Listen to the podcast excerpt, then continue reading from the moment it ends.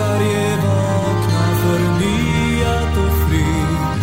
Stormbasen lyser i folkets.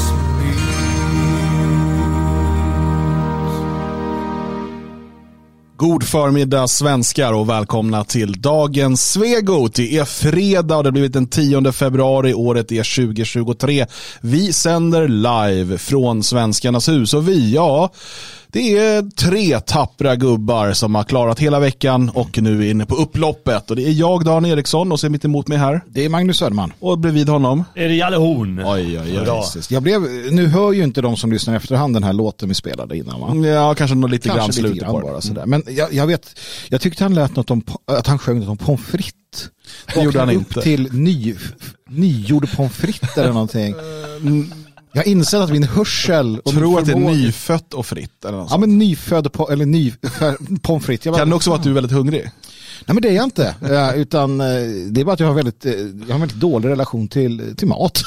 Ja, ja. ja. ja. Alltså, så fort du hör någon säga något då tänker du på fritt, eller vadå? Nej, inte bara. Det kan vara allt möjligt annat. Men det var det som passade här. Det är liksom inte nygjord eh, råbiff. Ja, nygjord råbiff. Det går det också. Jag, jag tycker det är intressant med det vi spelade alltså innan här var upp till en morgon. Eh, Det är Sven-Olof Lindholm som har skrivit den. Då Eh, fanns det inte pommes frites när han skrev låtar. Nej, det gjorde det nog ja, inte i Sverige i alla fall. Nej. Eh, och, men det är den här tonsättningen och inspelningen av Svensk Ungdom då för en 15 år sedan. Ehm, och det jag bara tänker är intressant, för återigen alla de här, hur skulle vi kunnat veta? Så bara, Lindholm så här, på 30-talet skriver så här, ja men strunta i höger och vänster, det viktiga är liksom det här, det här. Du vet, man bara, Hur? det fanns folk som visste. Ja. Sen kan man fråga sig, hur kunde han sluta veta? Eh, Ja, det, han, Det är just i Lindholms fall. jag tror att han var jävligt trött på allt det. 45, fem, 50 la han väl ner tror jag. Ja. Jävla motvind. Va, Förlora kriget. Det var inte va. lätt eh, att vara, vara, vara nazifist efter 45 va? Nej, men tänk på att Rockwell eh, började ju 55 tror jag, så att Mm. eh, fem år efter Lind, och så det hade kunnat fortsätta i alla fall. Alltså, det gäller bara att hänga ut. Eller hänga ut, hänga på, hänga kvar. Inte ge upp för tusan. Jävla tjuvgubbe. Eh, bra, vi har ett, eh, ett program idag eh, som, vi ska, det är fredag så vi ska liksom göra konstiga saker och roliga saker och kanske svara på frågor i chatten och sådär. Eh, men vi har också några tunga ämnen eh, att tala om. Eh, men det är så, så vårt liv är och vi måste göra det ibland. Och vi ska tala om den här mångkulturella mardrömmen på badhuset i Lund, Högervalsebadet. Någon av er som har varit där? I Lund? I Nej. Lund? Eh, Nej, nej, på det- badet i Lund. Nej, jag jag har aldrig... i Jag, Lund. Jag har jag, varit i Lund, ja, men Ja. inte badet. nej, jag, jag, jag går sällan till... Eller nu, vi kan prata om det här med bad, eh, badhus generellt. Ja. Ja men det, det kan Eller vi. inte generellt, sådär, inte så här... Jo men du kan vara emot badhus om du vill. Nej, men specifikt Ja. kan vi prata om badhus. Specifikt om badhus. Ja, ja. Alltså om det här och mångkultur och Ja, badhus. ja, precis. Men det ska vi göra. Inte Och generellt jag om så tänker här vi ska prata om hur och- mångkulturen har förstört allt som var bra. Ja, det skulle vi kunna göra. Det är ett nytt ämne här för oss. Prova på Ja, om, om vi vågar liksom det. Äntligen något nytt. Eh, och sen ska vi försöka ta upp det här ämnet som vi eh, inte har med igår. Alltså kronan har ju försvagats något oerhört. Eh, är det så att man kanske till och med gör det med vilja då för att eh, vi ska trycka in euron? Du svarar ja. Ja, jag ja tror Okej, att då har vi klar med den. jag, jag tänker att man gör det. Härligt. Eh, och sen ska vi prata om EUs nya massövervakningslagförslag. Det är ett långt ord. Ja. Eh, och eh, så långa ord kommer man inte få skriva om de får igenom Nej, där. jag ser ju möjligheter, ska jag berätta om sen Ja, också. nej, men det, det är bra. Och den här, framförallt så är det ju precis som när man nu ändrar grundlagen och sådär. Det är inte så mycket debatt om det. Det, är liksom, det fyller inte ledarsidor och liksom stora diskussioner. Men vi, ja, vi kommer till den, kan jämföra lite med hur det var med FRA-lagen och så. Ehm, så att eh, det är de ämnen som vi hoppas hinna med idag eh, och eh, som vanligt så eh, håller vi också koll på er i chatten så gott vi kan. Som FRA. Som FRA, precis. vi övervakar chatten och, ska se till att kunna eh, svara på eventuella frågor och sådär. Absolut. Det försöker vi göra lite mer på fredagar. Sen eh, kommer också Jalle försöka tvinga oss att äta en monstruositet i sändning. Vi säger inte vad det är än, men det står här framför oss och jag är orolig. Jag är Eh, också väldigt orolig. Jag har moraliska problem med att äta det här, för det första. Sen är jag väldigt tveksam till den här, ja, nej vi får se. Ja, det är också, du, du ska inte ha några moraliska betänkligheter och ska förklara varför sen. ja, ja, men det ser jag fram emot. Jag, jag, är, jag, är, jag är både och. Alltså. Han är förfärad, han är Förfärad men också lite bara så ni vet allihopa. Ja, också lite, lite intresserad. Eats a bugs. Håll lite papper i handen för att komma och se hur du skakar. Ja. Ja, vi får se hur det blir med det där. Eh, Men det ska ätas, det ska ätas i video nu igen. Så jävla bra content för er som lyssnar eh, i efterhand när vi kommer sitta här Jo, men vi får ju förklara vad som händer. Ja, ja absolut. Ja. Eh, Men det kommer, det kommer lite senare. Det kommer bakom betalväggen så att säga. Nej, bara Magnus spyor. Nej, men jag, jag, alltså, jag vet inte, jag är förtjust men förskräckt. Alltså, det här. Jag tittar på den just nu. Den, eh, det, ja. Ja, det är bra. Nu har vi byggt upp det där segmentet eh, Ja. tillräckligt. Eh, och så tänker jag vi ska börja då. Vi börjar med det tunga. Börjar eh, i Lund. Eh, för att ehm, igår så läste jag om det här på Fria Tider och i morse även då på Morgonposten och kände att vi, vi, vi försöker ju hålla oss borta från så här krimrapportering. Typ, Nu har en, en invandrare varit dum igen. Liksom, den typen av nyheter. Det finns de som gör det och de gör det säkert med, med liksom, de gör det bra och så. Men vi försöker ju ta lite andra perspektiv och prata om andra saker. Men det här fallet blev för mig när jag läste det, det visar så tydligt på eh, vad det faktiskt är som har skett i Sverige. Här handlar det inte bara om att liksom en invandrare är kriminell eller, eller begår ett bidragsbrott eller vad folk nu blir upprörda över. Utan det vi har att göra med här är ju mötet mellan klan och det svenska samhället, mellan en, en, liksom, en syn på sig själva som Alltså, det, det är en sån skillnad i syn på andra människor och sig själva. Om man jämför den här, den här invandrarfamiljen vi ska prata om då eh, och de svenska offren. Um, så det, det jag pratar om är alltså då på eh, Högervallsbadet i Lund så är det, eh, om jag har förstått det här rätt så är det då en, en det är flera som då trakasseras av ett, ett invandrargäng. Eh, en, till och med liksom en invandrarfamilj. Eh, och det är svårt, gäng, klan, familj, det, liksom, det kan vara lite samma sak här. Eh, och man försöker få personal att så här, ingripa för att de här, det är liksom sexuella trakasserier mot barn. Eh, man sliter bland annat av eh, trosorna på en 11-årig flicka. Eh, och vi vet ju eh, att sexövergrepp, eh, framförallt då vi har sett det från invandrare mot små barn på badhus har ju skett flera gånger. Vad vi vet om, och säkert i mörkertalet något enormt. Ni kanske minns den här, för några år sedan var det ju i den här grottan på något sånt där äventyrsbad. Där små flickor eh, hade liksom utsatts för ordentliga sexuella övergrepp av invandrargäng och sådär. Eh, och man försöker då få personal att reagera men, men de eh, ingriper inte om de är rädda eller om de är familj med dem, jag vet inte vad det kan vara. Eh, och kallar då på polisen. Eh, och eh, polisen kommer dit och tar en anmälan. Eh, och, och man avvisar även den här familjen ifrån badhuset. Under tiden då så står mamman i familjen, en huckleprydd eh, 49-årig Aber Farash, står och pratar arabiska i telefon. Eh, och sen då får man ju veta att hon ringer sin son, en 25-åring. Eh, och sonen och en, en kompis åtminstone, om de inte var fler, Eh, kommer då i ilfart körandes till badhuset och utanför på parkeringen så eh, attackerar de den här svenska familjen då eh, och, och misshandlar pappan grovt. Och mamman som har en liten bebis på bröstet kan inte göra någonting och barnen försöker men vad ska de göra? Ehm, och ja, det, det är liksom en, en väldigt hemsk scen som, som utspelas där. Ehm, Ehm, och, och det är liksom det, det vi har idag. Det här har inte varit någon stor grej i gammelmedia kan vi säga. Nej. Utan det är ju alternativmedia som har letat rätt på, på förundersökning och så vidare. Eh, så att pappa misshandlas inför barnen, samma barn som tidigare sextrakasserats. Um, och det är allt för att de här först invandrarna inte kunde sköta sig. Och när de blir avvisade så kan de inte ta det för då har väl deras heder blivit eh, eh, jag vet inte, kränkt eller någonting. Och då, då ska de misshandlas, kanske till och med mördas om de får möjlighet. Eh, och den här eh, 25-åringen, då sonen som, som driver på den här misshandeln som kommer dit körandes, han försöker spela rasistkortet. Han säger då sen att nej men jag har inte misshandlat någon. Min mamma ringde, de sa rasistiska saker och försökte ta av henne slöjan. Så jag kom dit för hon var så ledsen och upprörd. Men det var aldrig någon misshandel. Det- ja. Och det, det är ganska klarlagt att det inte var så det gick till. Ja, Vi har Nej. vittnen bland annat som har berättat om och, och hur den här mamman står och hejar på medan misshandeln pågår av den här pappan. Så står arabmamman och hejar på. Ja, det eh, och liksom, det är bra, fast på arabiska. Eller hur de nu pratar, jag vet Mm. inte. Vi ska, vi ska promenera, till, vi ska promenera eh, lite på memory lane tänker jag. Jag ska berätta en sak, sen ska Dan få berätta en sak. Eh, som, som visar ganska tydligt att det här är väldigt eh, gamla nyheter egentligen.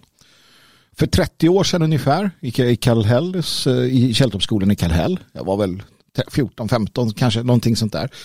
Ehm, och, och hamnade i DLO med invandrargänget såklart. Ehm, några stycken var de. Ehm, På badet. Nej, i skolan.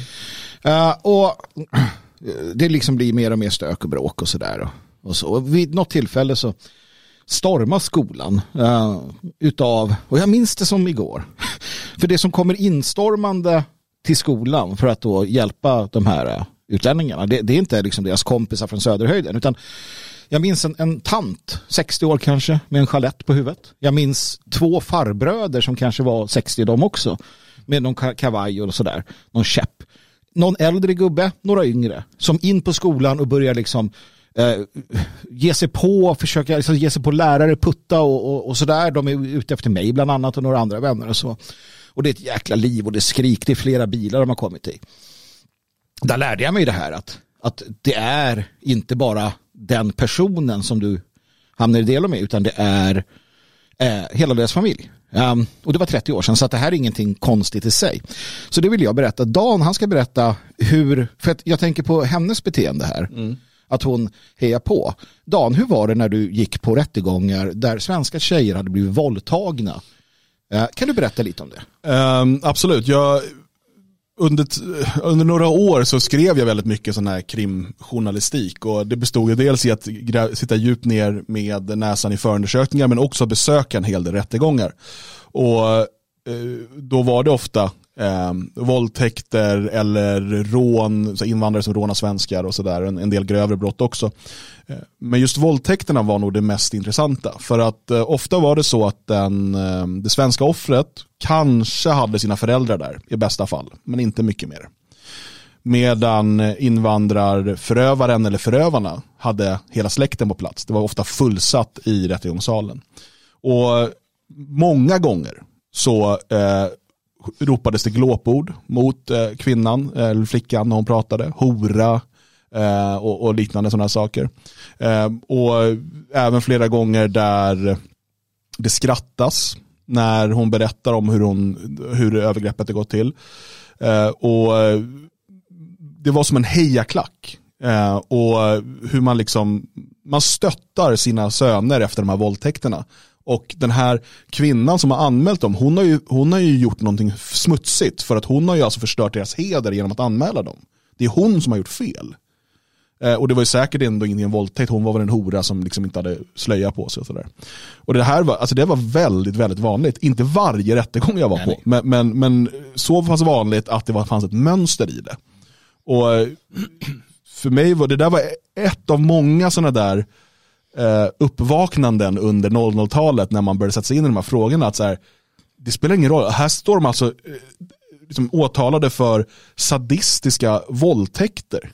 Och ändå sitter mamma, pappa, moster, faster, allihopa och hejar på dem.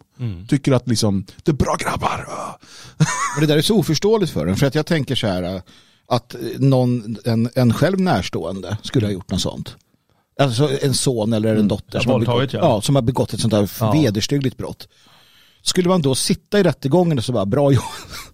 Ja, eller skulle man bara- kanske snarare tycka att, "Nej, för fan är han släkt med Nej, mig, han släkten, den där vad har jag, hur har va?" jag misslyckats? Liksom bort. Jag vill inte, nej. Eh, men de gör inte det, inte på de premisserna. Icke, för, icke förglömma, de kan kasta ut sina barn från, eh, från eh, balkonger. De kan, kom, kan få dem ihjälslagna, men inte för att de ger sig på svenskar. Nej precis, Det är alltså, det är det. det som är här att när eh, att, att bli dömd för ett brott mot en svensk, en våldtäkt eller vad som helst, det är ingenting som för många av de här familjerna, det säkert finns undantag eller så, men där det, är liksom, där det är någonting som de anser är dåligt för deras heder. Utan eh, då är det mycket värre om, om din dotter har kanske haft utomäktenskapligt sex. Det, det är, då ska hon ut från balkongen. Eh, eller kanske mycket värre om, om sonen eh, äter fläskkött eller, eller är bög eller sådana saker. Då är det liksom ett hedersbrott. Men då, då, då ska han straffas för det. Men att liksom ha gett sig på en annan klan, så som det liksom, åtminstone undermedvetet ses som, det är inget hedersbrott, det är ett brott mot deras heder. Och det är i den kontexten som vi måste leva våra liv. Och så här, jag håller mycket väl med alla liberala brudar som säger jag borde ha rätt att gå naken utan att bli våldtagen. Absolut borde du ha rätt att göra det. Det kan du inte, för du kommer råka illa ut. Om du gör det så sluta gör det. Ja, vi måste acceptera den, den kontext vi lever i.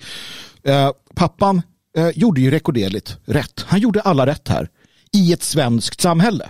Så gjorde han rätt. Han, han meddelade, han konfronterade, han anmälde och så vidare. Så han gjorde helt rätt. Men i ett mångkulturellt samhälle så räcker det inte. Utan då blir du ett offer för att du gör rätt.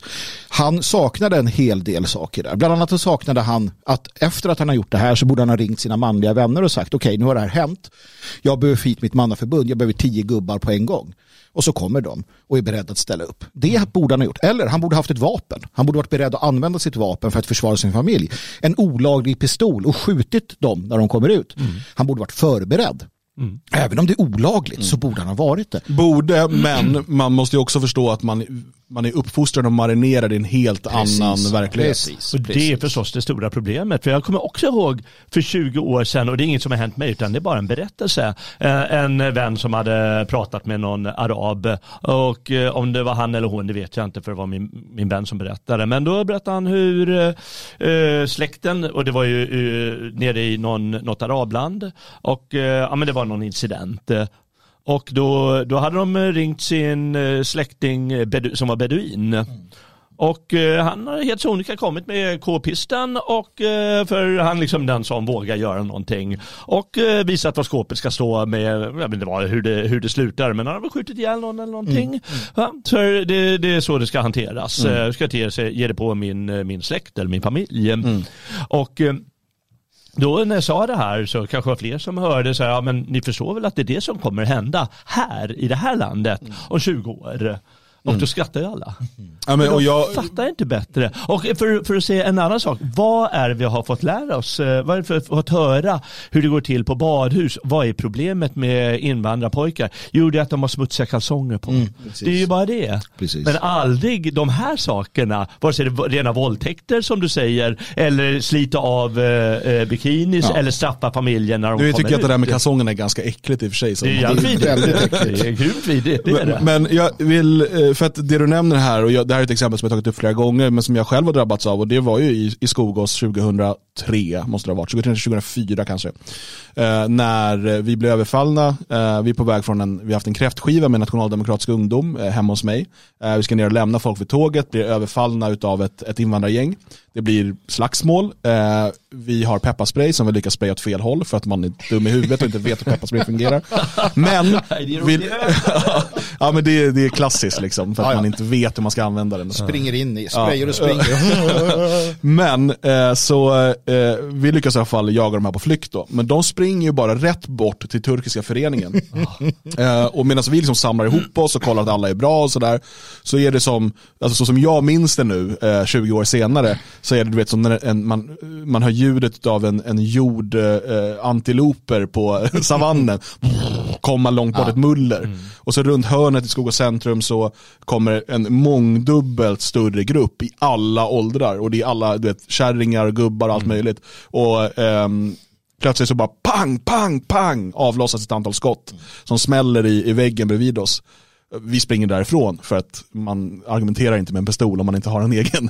Ehm, men så snabbt gick det. Och de har ju inte frågat de här, eh, de här yngre turkarna då som kom eh, om liksom, vem, eh, vem var det som började, vems fel var det, hade Vem ni sagt någonting? kastade? Nej, det, den frågan finns inte. Utan nu, vår klan, deras klan, vi ska döda dem. Just det. Men det som är extra ohyggligt i det här fallet det är att det är en värnlös familj. Va? Det är en mamma som har sin, sitt, eh, sin lilla bebis i sån här och, och gråter och skriker vad är det som händer och det, det de här 10-12-åringarna eller vad de kan vara, de andra barnen som försöker skydda och säga nej snälla och eh, en ohygglighet som vi inte kan föreställa oss närmast.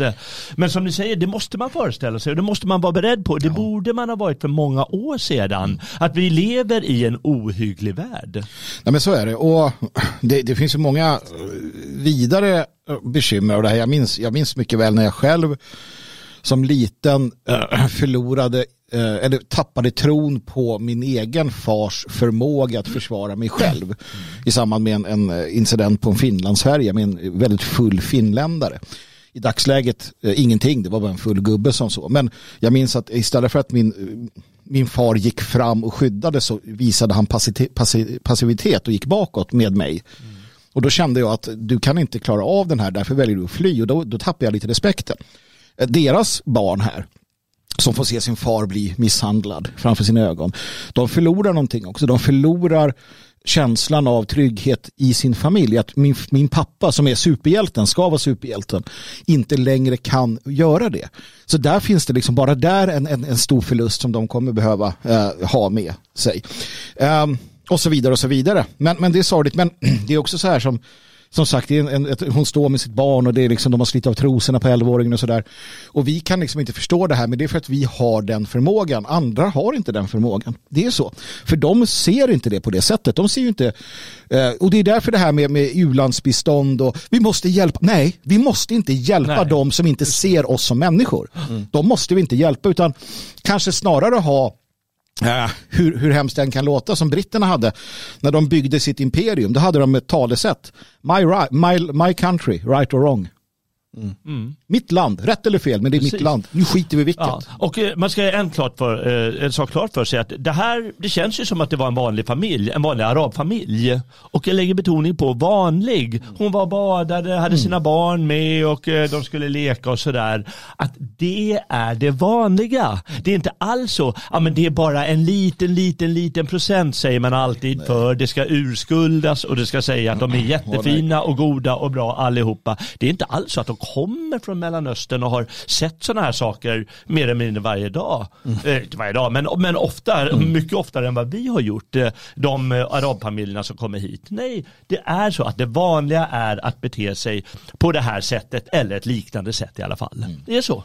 Ja, jag har ju inte varit i de här länderna, men människor som har varit i de länderna de, de, de, visar ju, de, de påpekar ju att det är hela tiden konfrontationer. Det är högljutt, det är bråk, det är skrik, det är gas i, i trafiken, i affärer. De står så här nära varandra mm. och det skjuts och det är, liksom, det är inbördeskrig, det är allting. Ja. Det är ju inte bara för att åh, elaka väst har, har startat proxykrig i Mellanöstern.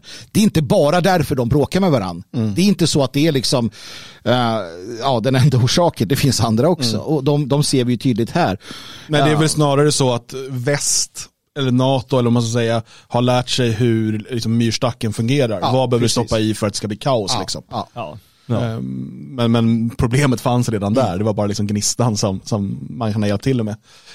men, men, jag tror också, jag menar alla vi som, alltså, sen, sen så här, okej okay, vad gör man då? Alltså, han, han den här Lunda, Lunda eh, pappan, han har lärt sig en läxa. Vi får se om han lär sig den fullt ut och, och gör det han borde göra. Mm. Men jag menar, jag har ju själv, um, Alltså, under en viss period i mitt liv så begränsade man sig väldigt mycket. Jag, jag åkte inte, även om jag visste att barnen kanske skulle tycka det var kul, jag drar inte på ähm, äventyrsbad med dem. Inte en chans, mm. för jag vet hur det kan sluta och jag vet att jag inte kan hålla käft. Jag vet, för det är det man ska göra. Alltså vill du fungera, du ska bara låta det hända och sen gå därifrån. Du ska inte börja bråka för då har du då, inte rätt uppbackning. Då, får, då händer det här. Alltså du måste vara beredd då på Precis. det här. Och det är det som svenskar inte är beredda på. Nej. Och många svenskar vet eh, intuitivt mer eller mindre att det är bättre att bara vara tyst. Ja. För annars kommer det här hända. Och, och det är det jag menar, det är det här som måste vända. Det som måste hända det är att svenskar inte bara våga säga från utan slå tillbaka, ja, kanske till och med slå först. Ja, nej men absolut. Nej men så att eh, liksom där har man, sen nu, på, nu när jag blev lite, har jag blivit äldre så nu bryr jag mig inte heller alls. Nu, jag går, åker och simmar om jag vill och sen så får det bli som det blir och sådär. Men det är klart att man hört det från så många, samma sak de här leklanden som finns i storstäderna. Mm. Det, det, det, är inget man åker till frivilligt. Eller så här, uh, man vet att okej, jag åker ner till, de öppnar nio, Mm, precis, jag är där till elva. ja. Sen kan vi åka. Och helst, in, helst inte på helgen. Nej, Så helst ta, ta, ta en sjukdag Ja. och åk när liksom det är så här, och så tidigt på morgonen då. Eh, Precis. för att, eh, ja men efter 11, det är samma sak på Äventyrsbadet, vi Mm. var en del i eh, Örebro på det här, eh, jag kommer inte ihåg vad det heter nu, eh, Äventyrsbadet där när vi bodde i närheten. Eh, Mm. Och då lärde vi oss att åka så man var där, man, när de öppnar och så har man ungefär en och en halv timmes eh, period där, där det är okej. Mm. Sen bara börjar de välla in och så är det som en djungel där inne, alltså Mm. det är sånt liv och eh, kaos och du vet, man sitter från att det är liksom lugnt svenska barnfamiljer som leker till att det kommer in arabiska ungdomar och börjar alltså bokstavligen kasta stolar i poolen. Vad, är så här, vad är det som händer? Ja, liksom? det som händer? Och personalen står där, bara araber. Gör ingenting, de tycker det är helt normalt. Eh, och, och det är där, här, vi måste också och där har vi ändrat vårt beteende för att kunna liksom leva i den här mångkulturella mardrömmen. Och det är inte bara badhus. En annan sak som har varit eh, aktuellt de senaste åren är biblioteken. Biblioteken är helt förstörda, inte bara utav eh, liksom, politiskt korrekta bibliotekarier som ska ha hbtq-hörnor för barn och allt sånt där. Utan i vissa områden så är det omöjligt eh, för att det är liksom invandrargäng som håller på och skriker och härjar där inne. Och när svenskar då har sagt att man ska vara tyst på bibliotek, oh, tystnadsnormen Ja, måste bort. Ja, Eh, det, här är, det här är för alla, alla kanske inte tycker om tystnad. Ska bara anpassas. Ja. Men nu vet jag, till exempel så var det liksom en, en hel del, här i Töreboda har vi en simhall och det var en hel del sådana här Eh, alltså man, man, vi, vi åkte och simmade några gånger, eh, jag, Josef och Björn. Och, och då var det så här ungdomar, så här araber och sånt. Men det tog en gång med att man är där och, och bara är där. Så, tog, så de förstod någonstans att det, det var dags att börja. Så här, man, man, man blänger lite och så. Men det är ju för att vi är de vi är också. Att vi finns här och man vet att det finns eh, det fria Sverige i kommunen. Man vet att det finns nationalister som inte, som inte är rädda för sig. Eh, Att, koncentrera sig till ett område, att vara fler personer i ett område som också Det är avgörande. Ja, det är avgörande. Det är det enda sättet. Själv, du kan vara hur stor och stark och modig som helst. Du kommer fortfarande få stryk av dem i badhuset eller utanför eller på Men, men det är det här vi tunnelbanan pratat om, att varför vi måste börja tänka som klan eller gäng eller vad som Ja. helst. För man ska veta att ger man sig på en av oss, det är då, alltså, anledningen till att svenskar inte gör någonting, det är för att de är rädda för att det ska hända just det här. Mm. Att de ska ringa familj och släkt och så vidare. Men, men eftersom att invandrarna eller liksom bråkstakar inte känner den rädslan vad gäller svenskar så blir svenskar fritt villebråd. Mm. Utan det är först när de känner att det inte är värt att ge sig på svenskar, för då kommer 20 andra och spöa skiten ur mig och min pappa och min hund. Nej, inte skit i hunden. Mm. Jo, hunden också. Nej, nej, Och katten. inte hunden. Marsvinen. Nej, nej, låt hunden vara, den är oskyldig. Ja, om den inte kommer iväg. Jo, men du förstår vad jag menar. Alltså jag försökte bara göra en poäng här av att det är där, när du vet att, och liksom, ger du, en, ger du oss en örfil så kommer du få en knytnäve i plytet. Det är det man måste veta och det är först då som man kan hålla den här typen av beteende på mattan. Och, och det är det här som staten kommer försöka till slut genom att bli hård och repressiv. Eh, alldeles för sent och det kommer dessutom drabba helt fel personer. Men det är det man kommer inse till slut. Det är det man har insett i de här länderna du behöver ha en Saddam Hussein, en Bashar al-Assad, någon som kan vara hård men rättvis, sekulär, ha en sekulär stat men vara stenhård och liksom hugga handen av snattare. För det är det enda som funkar. Eh, Vi har inte behövt det här uppe, men vi måste förstå att vi har importerat de här, den här eh, civilisationen, eller vad man ska kalla det för, in i vår, och de är inte kompatibla och då måste vi antingen bli som dem eller göra oss av med dem. Nej, men absolut. Och så länge vi inte har makten att göra oss av med dem så måste vi lära oss att inom citationstecken bli som dem med vissa undantag. Mm. Nej, jag vet, jag pratade med en, en vän i Sydafrika. Uh, han, han berättade hur det liksom utvecklas där och där har de en annan problematik såklart. Delvis, men det är mycket samma. Men han berättade också sånt som händer i Sverige allt mer. Det är ju den här, alltså, och, och det, det, jag tycker man ser det tecknet här också, det är den här explosionen av våld från ingenstans. För han berättade att i Sydafrika kan du gå och handla. Du kan gå och handla, allt är lugnt och frid och fröjd och sen så bara pang, sen är det negerupplopp från ingenstans och brinnande bilar och de skjuter och så här, okej. Man måste alltid vara beredd på det. Jag säger det till min son, du måste alltid ha koll på din omgivning. Var alltid beredd på vad som kan hända. Eh, och det är upp till svensken också, förstå det. Alltså om du gör en sån sak som den här, han, hade han vi frångår honom, men om du generellt sett lyssnar på våra råd, eh, lär dig de liksom, grundläggande sakerna för att, för att klara av det mångkulturella samhället, förstå skillnader mellan människor, var förberedd, så kommer inte det här hända dig. Du kommer på olika sätt och vis eh, undvika problemen som leder till detta. Eh, så, så, så, är det faktiskt. Och till del, ja, du måste begränsa dig själv så länge du inte har ditt gäng med dig, din klan med dig.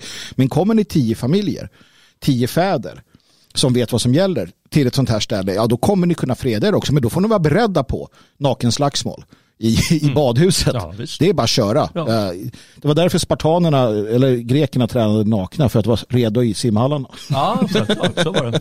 Det vet vi alla. Det har till och med skrivits 350 rader på dikt om det. Ja. Bad, badfighten. Bad, den stora badfighten i Prekopelos. Ja, just det. Ja, men den är berömd. Historikerna nämner den allt som oftast. Ja. ja. Nej, det här, det här är den mångkulturella mardrömmen som eh, många eh, lever i och mm. tvingas leva i. Men det finns faktiskt alternativ. Man kan eh, till stor del välja bort den eh, genom att eh, flytta till områden som är svenska och eh, organisera sig med andra svenskar där. och det är inte för att på något sätt då glömma bort att det existerar. Utan det är för att omgruppera, skapa trygghet och säkerhet där man bor så att vi på sikt kan bli starka nog att påverka eh, och, och, och, förändra även det. det. Men, men, men liksom ensamma på, på den här savannen fylld med, med hyener och vad det nu är. Mm. Eh, du kommer inte överleva länge. Alltså, militära allegorier kan vara ganska bra. Det är ju sällan du förlägger dina träningsläger bakom fiendens linjer i, i liksom ett område som mm. kontrolleras mm. av fienden. Det är väldigt svårt att, att kontrollera, att, att liksom lära och, utbilda människor där. Det gör det ju där det är tryggt och säkert så att dina soldater mm. sen kan försvara gränsen eller vad det nu är de mm. behöver göra. Det, det, är, det är ofta så man gör. Och det är lite så jag tänker också att vi, vi har våra områden där våra kvinnor är säkra där våra barn är säkra, där våra män kan, kan liksom, eh, träna, utbilda sig och bli bättre människor och köpa, starta företag och allt vad det vart som behövs. Sen kan man flytta fram det, sen tittar man på grannbyn, vi köper fastigheter där. Vi köper restaurangen i den byn. Vi expanderar vi blir större. Våra barn är fortfarande trygga och lär sig. De fortsätter och bygger. Det är så vi får göra. Men, men, och det är det enda sättet. Punkt. Mm. Ja. Mm. Punkt. Så är det. Eh, låt oss eh, lämna mångkulturen och eh, gå in på något annat som går till helvete. Ja, varför inte? helvete. Den svenska kronan. Oss. Aj, aj, aj, aj, aj. Den, är, den är dyr. Eller ja. billig menar jag. Ja. Ja, är Euron är dyr, dollarn är dyr, allt är dyrt. men kronan är billig. ligger där på runt 11,40 för en euro just nu. det, det är riktigt illa. Och intressant tycker jag bara var att, så att Johan Persson eh, i ett samtal med eh, journalister eh, säger då, för man, han är ju en förespråkare av euron, mm. Eh, det är ju Ulf Kristersson också, det är ju Kristdemokraterna också. SD är väl emot det antar jag, de är ju fortfarande. Ja, än så länge får se. Ehm, men eh, där eh, Johan Persson säger då att ah, men det är inte aktuellt just nu med en omröstning. Men om kronan går, upp till, går ner till 15 kronor per euro, då kan nog debatten dra igång. Och jag minns tillbaka till eh, en kampanj som jag var aktiv i och det var EMU-omröstningen. Mm. Uh, och uh, för nej-sidan då ska sägas. Mm. Uh, och, och, vann ju med knapp marginal um, tack vare mitt arbete. Och, Förstås. ja, och Göran Persson säger där någonstans där att vi kommer, ja det blev ju så nu, men vi kommer ju hålla en ny omröstning tills det blir ja. Mm. Ungefär så sa han. Mm. Um, tills ni har röstat rätt. Liksom. Och det fanns ju planer på att ha en omröstning redan 2008-2009 mm. uh, och Reinfeldt-regeringen skulle dra igång det. Men så kom ju Lehman Brothers, uh, finanskrisen, subprime-lånen och det där uh, eh, 2007-2008. Och då valde man, eh, Anders Borg har talat om där, då valde man att eh, ställa in planerna på en sån omröstning. Mm. För läget är inte rätt när, när euron går dåligt. Nej. Utan det gäller ju att hitta rätt läge och det bästa läget för att kunna få med sig, precis som man fick med sig svenskarna, många av svenskarna på NATO nu, det är så här, och nu, nu är Ryssland nära mm. och nu så ska man bygga upp den här hotbilden, nu ska vi gå med i NATO. Svenskarna hade aldrig gått med på det om inte kriget i Ukraina hade sett ut som det gör. Nej, nej. Eh, om svenskarna nu går med på det, men enligt opinionsundersökningar så är majoriteten tydligen för NATO-inträde nu. Eh, och det gick väldigt snabbt. Och svenskarna har ju generellt sett varit emot eurointrädet också mm. hela tiden. Men säg då att kronan, som eh, Persson säger då, att den, den, den tappar i värde mot euron, 15 kronor. Det blir svindyrt att importera, eh, det, det, blir som, det kommer leda till arbetslöshet och så vidare. Och då står euron där som en räddare, eller inom citationstecken. Plötsligt kommer du kunna skrämma upp svenskarna så pass mycket att de är beredda att rösta ja till, en, till att ingå i EMU-samarbetet. Det är jag helt övertygad om. Och det, det är det Persson säger egentligen. Mm. För att han vet att just nu, mm, inte riktigt redo än, men låt kronan bli lite svagare. Mm. så eh, kommer svenskarna vara redo för det. Det kommer få andra konsekvenser såklart att kronan blir svagare. Men det, det jag är lite orolig för, jag, jag litar inte på politiker, jag kan börja med att säga så. Och alla de här de här drömmer om EMU-inträdet. Mm. Det har varit en av deras, Liberalerna, det är, det är en av deras största drömmar någonsin. Mm. NATO i, i, euro, sen har ju de liksom grupporger. Grupp, han har alltid, I orger har man alltid grupp va? Ah, ja. Jag tror att det krävs en grupp för en orger, men, men, men jag vet inte. Vi får försöka tänkte jag säga, det ska vi inte göra. Så va, vad, i vilket, vilket intresse har Johan Persson och andra euroförespråkare att liksom göra sitt yttersta för en stark krona? Men det är ju det här som också någonstans blir så väldigt talande. Eh, dels att du säger euroförespråkare, det i sig räcker egentligen. Men om vi tänker så här, det finns, som politiker då kan du göra två saker. Antingen så bygger du, till exempel det här med NATO, så antingen bygger du upp ditt försvar så att din politik gör att ditt försvar blir bättre och bättre och bättre och du söker samförstånd och du söker alla möjliga former av sätt att göra ditt land tryggt och säkert. Eller så gör du inte det och väntar tills det går riktigt illa så att du sen kan säga hallå NATO nu. Det är ju landsförrädiskt att göra så naturligtvis. Det andra är till exempel med ekonomin. Antingen driver du en ekonomisk politik som gör att ditt land hela tiden är stabilt. Att du, att du inte säljer ut dig eller så. Eller så gör du inte det i väntan på att det ska gå åt helvete så att du kan säga hallå EU. Vad vi har är ju politiker som är direkta landsförrädare. Något som Donald Trump hittade på, ett, ett ord som Donald Trump ja, hittade det, på. Uh, alt-right-rörelsen hittar på landsförrädare enligt Annie Lööf. Enligt Annie Lööf, ja. Mm. ja men, antingen, så tar du, antingen driver du en politik som är bra för ditt land och för ditt folk eller så gör du det motsatta. Gör du det motsatta ska du avsättas. Mm, det. Försiktigt där, Avsättas, ja. mm. ställas inför folkdomstol och dömas enligt lag. Ja. Ja. Uh, gör du rätt så ska du hyllas och omväljas evigt. Liksom. Mm. Uh, som en Caesar. Liksom. ja, men nu verkar det ju som att eh, i och med att det inte är några överraskningar som har skett direkt i svensk ekonomi mm. som faktiskt inte är så dålig eh, eh om man ser till nej, vissa nej. parametrar tydligen. Nej, nej, säger, säger olika vänner till mig som håller på med sånt där. Eh, men det betyder ju att de de driver den här frågan på något vänster. Ja. Det är ju uppenbart att eh, kronan har inte av en överraskning plötsligt eh, inte skjutit i höjden utan sjunkit i, ja. i djupet någonstans. Eh, utan det måste vara en naturlig utveckling av politiken som den har förts. Eh, mm. Ja, alltså finns det en, inte en plan, men, ja, men det går som det ska lite grann. Ja. Och då börjar man ju undra någonting. Det... Och jag trodde ju först att ja, men det är som vanligt med den här korvgubben, att eh, han snackar i nackmössan, mm. han vet ju inte vad han, han vet ju verkligen inte vad han säger. Men ja, det ligger någonting i det du säger att det är inte helt, och han, han känner, han lägger ut lite, eh, lite, vad kallar man det för, lite bete sådär. Mm. Men jag fattar ju jämt omedvetna beslut eller beslut som omedvetet är till för att göra det bättre för föreningen, min familj, mitt folk min nation, min tro. Mm. Det är omedvetet, ja, jag, för jag fattar ju inte beslut som går emot mina intressen. Eh, den här korvgubben som du säger, hans mm. intressen är ju Sverige in i EU. Hans intressen är ju globalism. Hans intressen är ju den här liberala diktaturen. Det är klart att han konstant fattar beslut som syftar till att nå dit.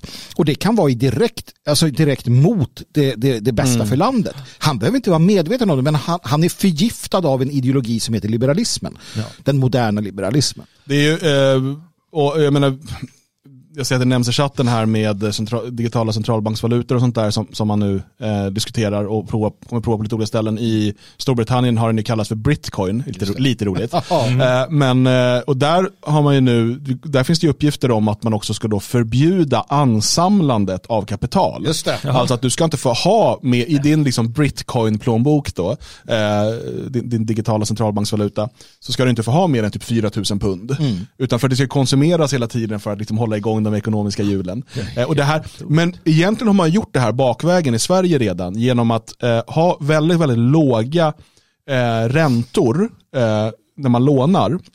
Samtidigt som inflationen har ju bara räknat eh, konsumentprisindexet och inte på till exempel fastigheter. Så inflationen på fastigheter har ju varit, alltså prisökningen på fastigheter har ju varit oerhört hög under de senaste 20-30 åren.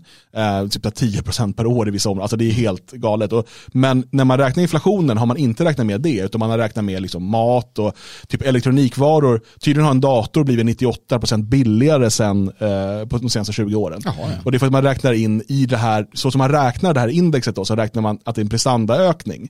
Priset är ju typ samma för en dator som för 20 år sedan. Ja, ja. Men den har blivit mycket bättre, alltså den har blivit 98% billigare. Och då har den inte blivit, då har ju, då, det är ju deflation. Ja, då kan man räkna bort De har, det. det är, ju- Fantastiskt det är, ja, det som man räknar. Och de har inte räknat med fastigheterna. Men eh, det som är då, det är ju att eftersom att dina pengar, om du bara har dem liggande på bankkontot, du har inte fått någon ränta på bankkontot. Eh, om du bara sparar pengarna så har ju de förlorat i värde hela tiden. Framförallt gentemot fastigheter. Eh, hade du däremot köpt en fastighet för dina pengar eller tagit ett lån som skapar mer pengar, för det är då bankerna skapar pengar ur tomma intet. Då hade ju ditt, dina pengar ökat i värde så att säga med, med den här fastigheten. Eh, så att man bestraffar ju folk som sparar. Du ska konsumera nu eller låna nu. Det är det som är poängen hela tiden. Det är ju egentligen på ett sätt samma sak, bara det att den här eh, centralbanksvalutorna kommer vara ännu tydligare i det. Eh, och, och det är så för att liksom, hela det här systemet är uppbyggt. Och, och nu står man inför en, eh, man höjde ju räntan då med eh, 50 punkter, alltså en halv procentenhet eh, här igår. Och då är många rädda nu för att det här ska påverka fastighetspriserna negativt, att de ska sjunka. För så mycket av svensk ekonomi, både bland företag men framförallt privatpersoner, ligger ju i fastigheter. Och de har ju då eh, blåst upp under lång tid på grund av den här låga räntan, ränteavdraget eh, och så vidare. Eh, och om, om fastighetspriserna nu sjunker så kommer folk vara kanske belånade till högre grad än vad fastigheten är värd och vi kommer få se stora problemet av det. Så då är det så här, då måste vi hålla ner räntan på något sätt. Även om den kanske behövs höjas för att minska inflationen. För att fastighetspriserna får inte sjunka. Man, man sitter ju i, en- i en rävsax. Och det här, um, ja, Sverige, Sverige kom, står inför stora problem, men, men samtidigt som du, som du är inne på Jalle, svensk ekonomi, vissa parametrar går jättebra. Sysselsättningen är, är hög, oerhört hög fortfarande.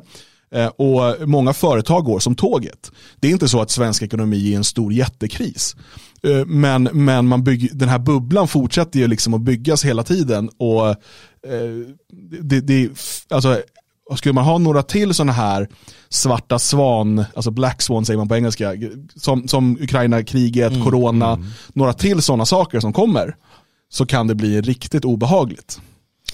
Ja, jag har egentligen inte så mycket att- tillföra i en sån här diskussion, för jag kan för lite om sådana här saker. Men det jag vet är att ekonomi är viktigt jag vet att det är alltid det som blir den utlösande faktorn. Och jag vet också att varje gång historiskt sett en nation försöker att frigöra sig från eh, ett liksom globalistiskt, allting sitter ihop. Vill man inte vara en del av det, då blir det ofta krig. Och vi har ju på senare år då, och Gaddafi till exempel som hade sina idéer och, och samma sak med Mellanöstern och så här. Eh, så att det, det är ju så, och, och det känns bara som så, det känns så stort va? Det känns så ogreppbart. Så att min, min fundering eller fråga, det är så här, men jag som, det är lite som en mångkulturmassivandring, men jag som enskild vanlig människa med liksom en, en, en, en liksom lön eller vad det är, vad, fan, vad kan jag göra? Nej, men alltså, du jag- kan väl göra investeringar och så, men du måste tänka på att de här politikerna och alla som talar om det här, Mm. de, antingen så är de alla utbildade i samma nationalekonomiska skola Mm. och de le, lever inom samma keynesianska liksom, modeller och sådär. Och de tänker bara inom den boxen. När det, kommer någon som, när det kommer någon som utmanar det, eh, eller som har funnits länge, men eh, till exempel har vi ju haft, då, vi har haft med Ben Pintner i vår radio flera gånger som pratar om Österrikes ekonomi och sådär och hur, hur det liksom fungerar. Eh, De kan inte ens förstå det för att de finns inom de här ramarna och de jobbar bara inom de här ramarna. Och, och så länge politikerna bara är inom de ramarna så kommer de inte lösa det. Utan allt de ser är, aha okej vänta nu, om inflation stiger, höj ränta. Och så här, om vi vill ha mer inflation, sänk ränta. Väldigt grovt Ja, förenklat, visst. men det är liksom så. För då får man igång konsumtionen eh, och vi ska ha inflationsmål på 2% bla bla bla bla bla. Och så är de fast i det här. Eh, I den här modellen. Och, eh, så de kommer bara fortsätta jobba inom den. Mm, Så att det blir lite som när vi försöker prata eh, invandring och mångkultur med människor eh, som tänker inom, bara inom de ramar de fått lära sig, så är det så här, då är deras fråga alltid, hur kan integrationen bli bättre? Ja. Och vi säger så här, vi ska inte ha någon integration. De som kommer hit och ska vara kvar, de ska assimileras, de andra får åka hem. Ja. Antingen anpassar man sig och, och sådär, då, då kan man vara i Sverige. Gör man inte det, då, då åker man hem. Det är helt otänkbart. För att man har fått lära sig att det är integration och mångkultur, det finns bara de ramarna. Och eh, vi är alla födda någonstans och liksom upplevt någon typ av brytpunkt i det här. Men de som är födda, säg att de är födda år 2000, gått i skolan 2007 till 2015 och sen gymnasiet, går, ut, går i universitetet nu. De har aldrig sett något annat, aldrig lärt sig något annat. De kan verkligen bara tänka inom den här integration, mångkulturella integrationsboxen. Eh, Och det är samma sak med liksom ekonomerna.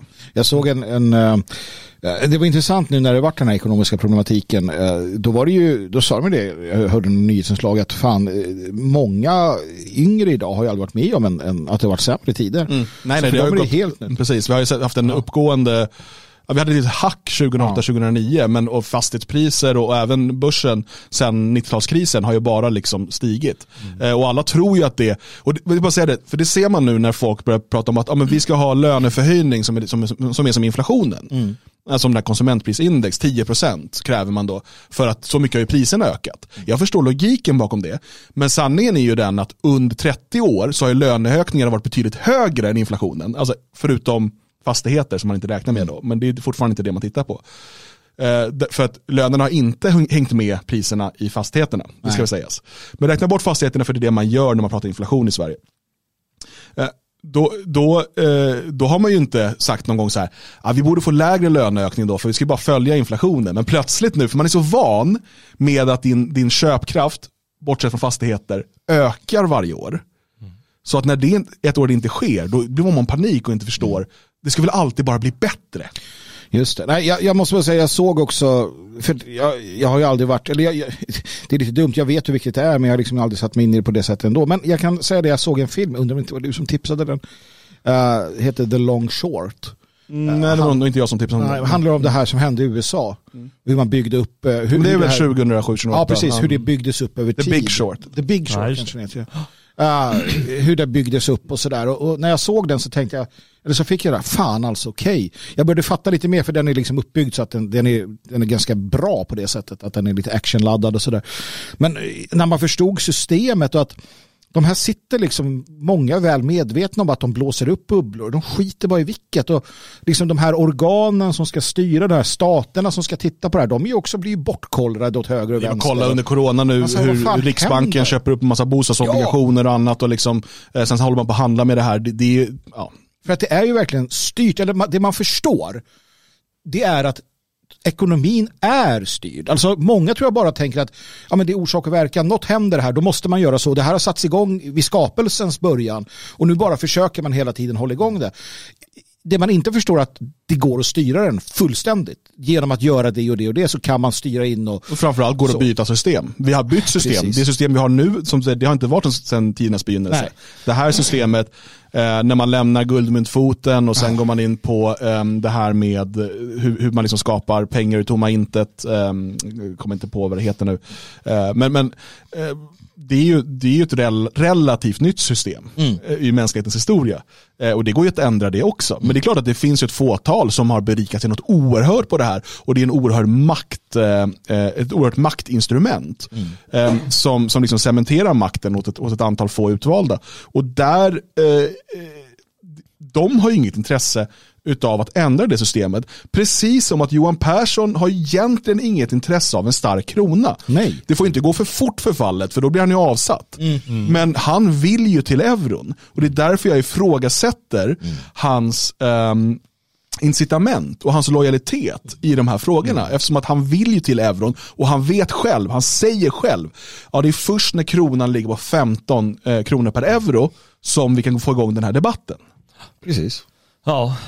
Nej, det är ju ett svek. Eh, Man behöver ju inte, behöver ju inte per se vara någonting dåligt att gå med i euro. Det kanske är en vinst, vem vet i längden. Kanske. Men, eh, men man måste ju ändå förutsätta att det är någonting, eh, någonting dåligt. Eller att det inte är så bra. Och vi vet ju alla att allting är fluktuativt. Det betyder att, vi kommer ihåg hur det var 2008. Jäkla tur att vi inte gick med i euro. Ja. Det varade i flera år Ja. det där. Och jag, ser, jag har ju följt kursen lite grann i och med att man har bott i eh, Eh, att man bott i Tyskland och Sverige mm. lite hit och dit och försökt jämföra kurserna och jag har ju märkt att alltid när de pratar om i tidningarna hur kursen kommer att gå så har det alltid blivit tvärtom. De är så ofattbart dåliga och nu i synnerhet, alltså det här, det här fallet som har skett, eh, nu har jag i synnerhet följt det, det senaste året i och med att det varit intressant att kolla om man kanske ska köpa hus eller inte mm. i Sverige och se eh, när ska man växla, eller ska man växla pengar eller inte eftersom man kanske har mycket i det ena eller andra. Mm. Och eh, det här fallet som har eh, skett, det går, alltså det går väldigt, väldigt fort. Mm. Jag tror principen är, eller snarare är det så att det är det vi har pratat om det här häromdagen, alltså ekonomiskt sett så sak samma, men principen måste ju ändå vara att vi att vi ska ha en egen... Liksom, ja, alltså så här, eh, och sen vi, det är Sverige AB och liksom kronan är inte liksom kronan längre mm. egentligen. Eh, och, och vi kommer få se den här eh, e-kronan komma mer och mer nu och så. Men eh, precis, det är en principsak här eh, som det handlar om. Och det, det är bara därför vi ska streta emot EUs utvidgning. Det är liksom det som mm. är, är liksom den stora poängen här. Mm. Eh, ja. Jag, jag, tror att, alltså så här, kortsiktigt för Sverige AB och för svenska företag och så vidare så kanske det kan vara en fördel att gå med i euron. Eh, det förenklar många saker, det liksom gör att du, du får en lättare liksom stabilitet i att veta med import och export inom EU och sådär. Och, och, det sätter mer kraft gentemot, alltså det finns fördelar, jag fattar det. Eh, men här handlar det om att EU är ett stort jävla sovjetiskt eh, eh Kina-monster som inte får bli större och det är lite det vi kommer komma till snart. Ja eh, precis, jag menar det är av politiska skäl vi inte vill gå med i euron. Mm. Därför att eh, den EU-politiken den blir ju mer och mer centralistisk, den blir mer och mer eh, Alltså att Persson vill göra det för att han i sin tur då kommer få eh, förtjänster. Mm. Han kommer givetvis få belöningar eh, via EU för sin, eh, sin starka, sitt starka engagemang i den här frågan. Mm. Och eh, jag vill inte att han ska höjas upp ännu mer den här korvgubben. För att inte tala om alla sossar och allihopa. Och för att inte tala för att göda den här bisarra politiken. Och det är väl lika bra vi går över till det då. Men jag bara säger det i slutändan så är det ju i, i de här människornas hela strävan, det är ju det personliga. Titta på Carl Bildt. Han har inte haft en, en jobbig dag sen han liksom böjde knä åt, åt storfinansen och globalismen. Vad jobbar Carl med? Han, han flyger runt i hela världen. Vem betalar hans lön? Jag fattar ingenting. Det är liksom, och skriver saker. Lundin Oil. Ja men precis, det är så, det är så tydligt. Han, han sålde ut Sverige, han var en del av detta, han fortsatte med detta, han är belönad. Han kan leva ett gott liv. Annie Lööf lever ett gott liv. Det är vad det handlar om för de här människorna. De är, de är själviska, i grund och botten. Mm. Mm. Ja. ja. det är bara att kolla. Uh, Göran Perssons fina tal om att den som är satt i skuld är inte fri. Dagens styrelseordförande i Swedbank som är en av de värsta bovarna när det gäller det här. Och, ja. och uh, sen han startar konsultbolag och sådär som han berikar sig oerhört på. Mm. Uh, Mats ställer en fråga här i chatten och frågar om DFS har kontakt med närliggande bönder. och det har vi. Mm. det är klart att det alltid kan bli bättre. men det där är absolut ett sådant nätverk som man bör bygga runt mm. omkring där man väljer att organisera fria svenskar god kontakt med bönderna eh, och, och se till att eh, eh, kunna handla direkt från dem om möjligt. Gärna eh, om möjligt eh, kanske man kan göra det utan att blanda in tredje part. Ja, om det går. Problemet idag är också att det, det, det är alltså, väldigt svårt reglerat. Det är hårt reglerat och bönderna det är, väldigt, det är stora industrier. De som mm. är kvar är jättestora. Det är liksom Eh, I den mån det finns alltså mindre gårdar, för det ploppar upp, håll utkik för dem. Hitta någonstans där du kan köpa dina ägg eller där det finns några jätter som, eller får heter det som mjölkas. Getmjölk. Mm, get, jättermjölk ja, just det. Mm. Men är det verkligen getmjölk du vill ha? Ja, men det kanske kan vara gott till någonting. oh, det är inte så gott. Ost, getost är helt okej. Men, ja. men, uh, kanske göra ost av den getmjölk jag köper. Kan du göra. Uh, men småskaligheten är alltid värd att, att uh, i den mån man kan såklart. Mm.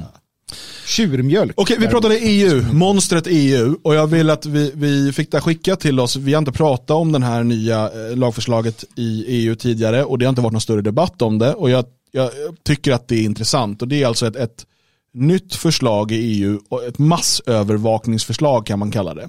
Eh, och Mullvad VPN som är ett eh, svenskt VPN-företag, alltså som hjälper dig med eh, anonymitet på nätet kan man säga de har skrivit en, en, ett öppet brev eh, som heter helt enkelt stoppa förslaget om massövervakning i EU. Eh, den här lagen kallas för chat control eh, och som vanligt så hänvisar man då till att det här ska stoppa barnpornografi. Det gör man alltid för ingen normal människa är för barnpornografi och Nej, alla vill precis. stoppa det. Ja. Men eh, det här ska då innefatta eh, övervakning och granskning av all kommunikation på nätet eh, och eh, telefon. Så alltså alla telefonsamtal, eh, varje gång du ringer i videoläge, alla sms, varenda rad du skriver olika meddelandeappar, även krypterade tjänster, dina mail, rubbet, så skriver man på mullvad. Ehm, och så säger man allt kommer kunna filtreras i realtid och potentiellt fastna för djupare genomgång. Det här gäller även bilder och filmer som du sparar i molntjänster, alltså i princip allt du gör med din smartphone. Med andra ord, ditt privatliv står helt naket inför statlig beskådning. Varför pratar nästan ingen om detta? Undrar Mullvad. Och eh, han, han nämner ju flera eh, saker som kan hända, men det som är mest oroväckande, eh, det är ju inte bara då, vi kommer komma in till den här maktlystnaden som de givetvis har, där det, det är en naturlig process givetvis att eh, när du har möjligheten att övervaka då kommer du att göra det. Det bara funkar så. Men det mest oroande är inte alltid övervakningen utan han säger att människor kommer eh, eh, sluta prata om saker och ting. De kommer sluta använda vissa saker. De kommer sluta göra vissa saker. Därför att de vet att det blir problem. Alltså de kommer, det blir självcensur, ännu mer självcensur än vad vi har idag. Alltså det är nog helt otroligt vad det ska dras åt det där. Ja, det är sorgligt för att jag har som vanligt lösningar på alla de här problemen. Ja, som du säger, det här är naturlig utveckling. Först och främst, jag är inte förvånad. Jag, jag, jag känner till Ech- Echelon som är eh, alltså, NATO eller USAs sånt här system som har varit verksamt i tio år. De fångar upp allt, all kommunikation, filtrerar, lyssnar efter olika ord. Alltså det görs ju redan det här. Eh, Nu är det EU som går in och gör det. Ja, och de bråkar ibland med varandra. Ja, fast det här, det här lägger sig på en annan nivå där du till och med, alltså, där informationen måste skicka, det, det är det som är till exempel krypterade tjänster idag. Ja. Så kan du, du kan ju ha en kryptering som inte involverar en tredje part. Ja, ja, ja. Alltså, En, en peer-to-peer kryptering Precis. idag. Men det här skulle förbjuda det och liksom göra det så att telefonen måste ha det inbyggt. Att varje gång du trycker på Ja. knapparna så ska det skickas Ja, till men staten. självklart, självklart. Och, och det är ju den stora, det är ju den stora och det är en jättestor skillnad. Men jag menar återigen, ehm, eh, lösningen är enkel. Vi hamnar här, vi kommer hamna här. Lösningen är enkel.